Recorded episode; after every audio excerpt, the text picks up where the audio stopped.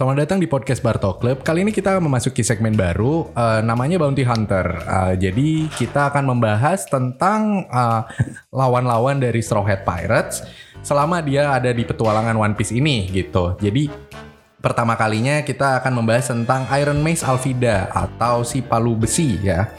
Uh, jadi riwayat hidupnya pertama namanya itu Arubida kalau di bahasa Jepang.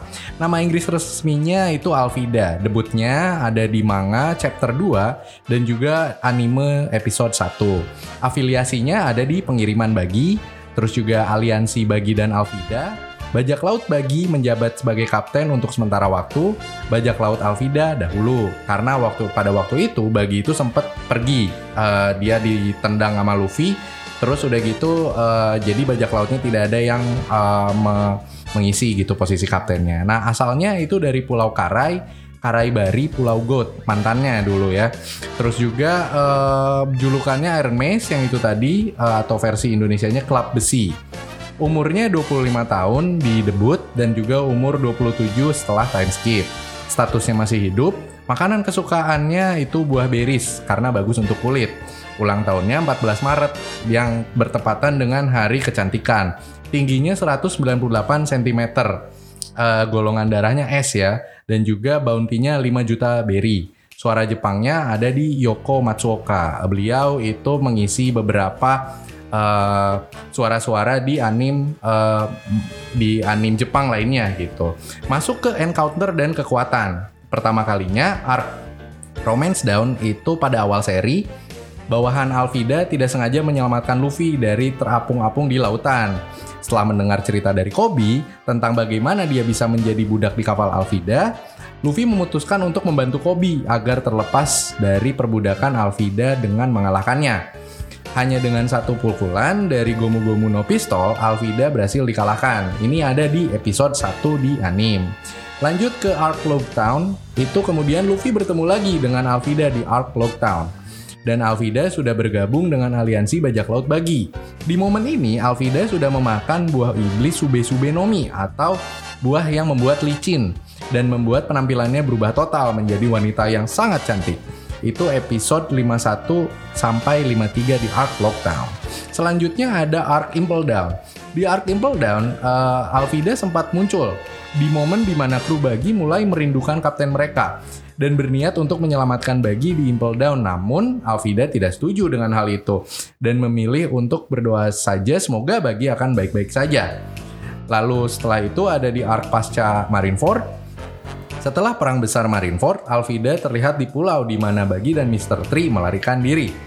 Selanjutnya ada after time skip. Setelah time skip, Alvida muncul di momen di mana Bagi pertama kali memperkenalkan sebagai seorang Cibukai dan juga seorang serikat dagang besar saingannya Doflamingo. Kemudian masuk ke kekuatan dari Alvida, yaitu kekuatan buah iblis Sube Subenomi. Sube Subenomi adalah buah iblis tipe paramesia yang membuat pengguna menjadi licin, membuat hampir semua serangan dan objek meluncur di atas tubuhnya melindungi pengguna dari luka akibat serangan lawan, seperti yang terlihat pada Alvida. Jika seseorang kelebihan berat badan, mereka akan menjadi langsing karena lemak yang berlebihan akan meluncur keluar, atau sube. Sube berarti licin dalam bahasa Jepang. Sube mungkin juga diambil dari kata suberin, lemak yang bisa ditemukan di dalam sel. Lebih jauh lagi, sube-sube bisa berarti muda dan seksi. Disebut slip-slip fruit di Fish Manga dan For Kids Dub serta Smooth Smooth Fruit di Funimation Dub dan buah ini dimakan oleh Alvida.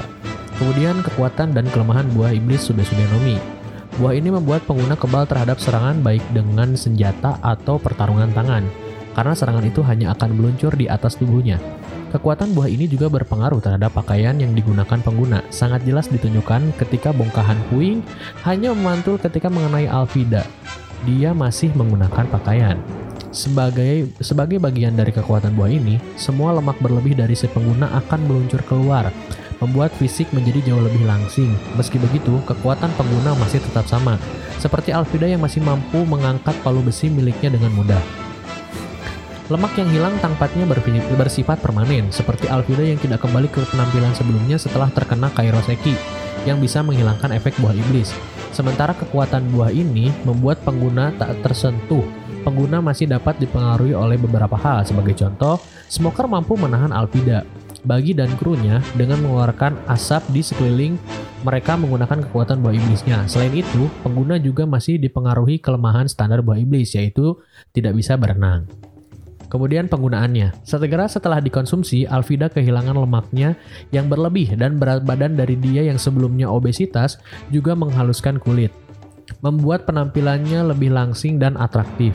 Meski delusi tentang tampilannya yang mengerikan dulu membuat dia tidak bisa lupa. Alvida menggunakan kekuatan buah ini yang terutama untuk membuat ia kebal dari serangan lawan, membuatnya jadi tak tersentuh. Dia juga bisa menggunakan tubuhnya yang licin untuk mengurangi gesekan, membuatnya bisa meluncur dengan kecepatan tinggi. Salah satu jurusnya yaitu ada sube-sube spur atau sube-sube supa. Secara harfiah berarti licin-licin memacu. Krubagi menyediakan semacam jalur yang melandai untuk Alvida. Dia membuka sendal dan meluncur di jalur itu dengan kekuatan Sube-Sube Nomi serta meluncur dengan kecepatan yang sama. Sedang eh, disebut disebut sebagai slip slip track, sedangkan di Funimation disebut sebagai smooth smooth track. Lalu selanjutnya ada Persona. Beberapa saat setelah kekalahan dari Luffy, namun sebelum bertemu dengan Bagi, Alvida menemukan dan memakan Sube Sube Nomi, mendapatkan kekuatan baru dan kehilangan berat badan yang berlebih.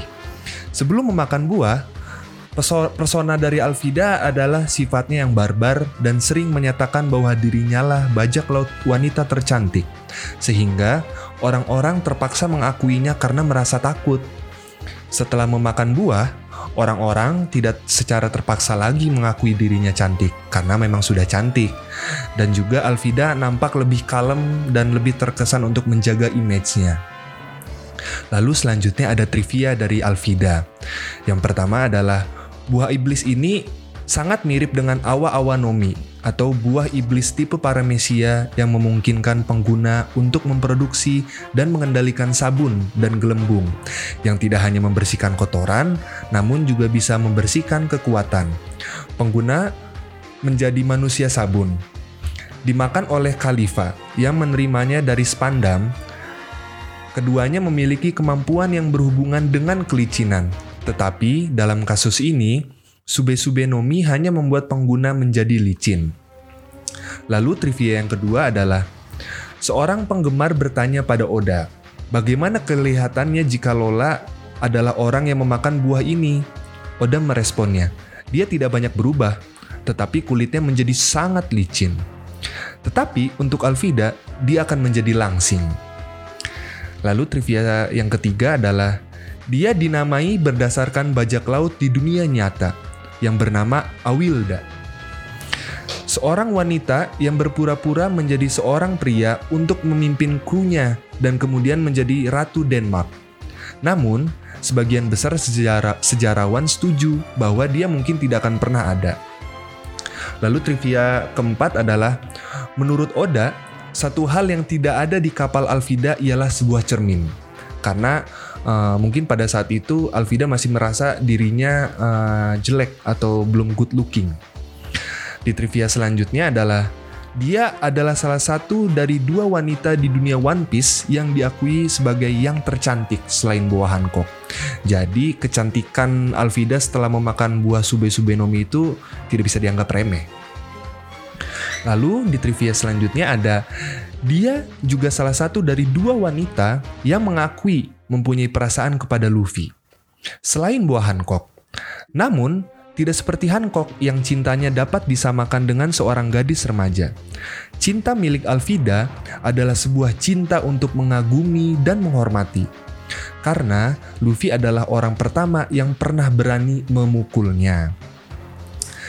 Lalu trivia selanjutnya ada Ketika Komandan Marinir sedang mempertimbangkan harga bounty pertama Luffy, mereka memperhitungkan kekalahan. Yang pertama kekalahan Morgan si tangan kapak, lalu ada Bagi si badut, lalu ada Don Creek, dan ada Arlong si gigi gergaji. Tetapi tidak menyebutkan Alvida. Hal ini mungkin dikarenakan Luffy masih belum dikenal dan berita tentang insiden pertarungan Alvida versus Luffy tidak banyak yang mengetahui. Nah, jadi sekian dulu konten dari Bounty Hunter. Semoga para senpai menyukainya dan senpai juga bisa request tentang eh, karakter-karakter apa lagi nih yang sebaiknya eh, kita angkat ke segmen Bounty Hunter. Terima kasih para senpai yang sudah mendengar. Eh, jangan lupa untuk salam jari silang dan jaga protokol kesehatan. Bye bye.